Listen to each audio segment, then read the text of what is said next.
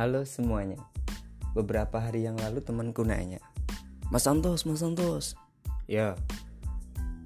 Ini aku dikabarin ayah mantanku meninggal. Kira-kira aku harus ke sana untuk melayat gak ya? Gue jawab lah, nggak usah. Ngapain nyari penyakit aja?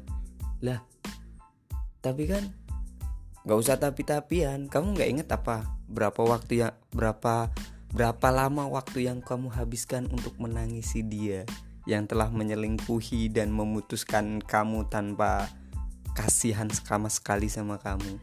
Kamu gak ingat apa berapa waktu yang kamu habiskan untuk menangis di sudut kamar, mengingat semua kenangan yang udah kamu habiskan, hingga orang tua kamu khawatir kamu sampai nggak doyan makan. Kamu nggak inget itu semua?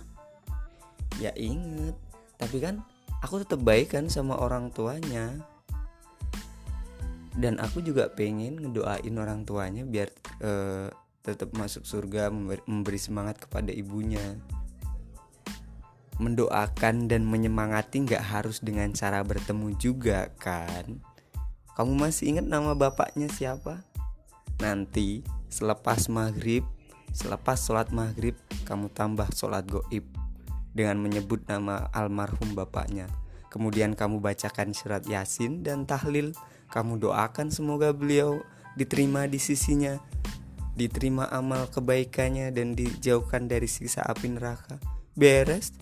Terus kemudian kamu telepon ibunya, kamu kasih semangat semoga sabar menghadapi ujian ini, menghadapi eh, perjalanan hidup ini gitu kan udah selesai nggak perlu cari penyakit kamu datang ke sana.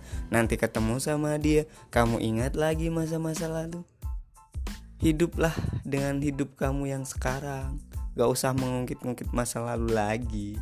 Gitu ya. Oke dengerin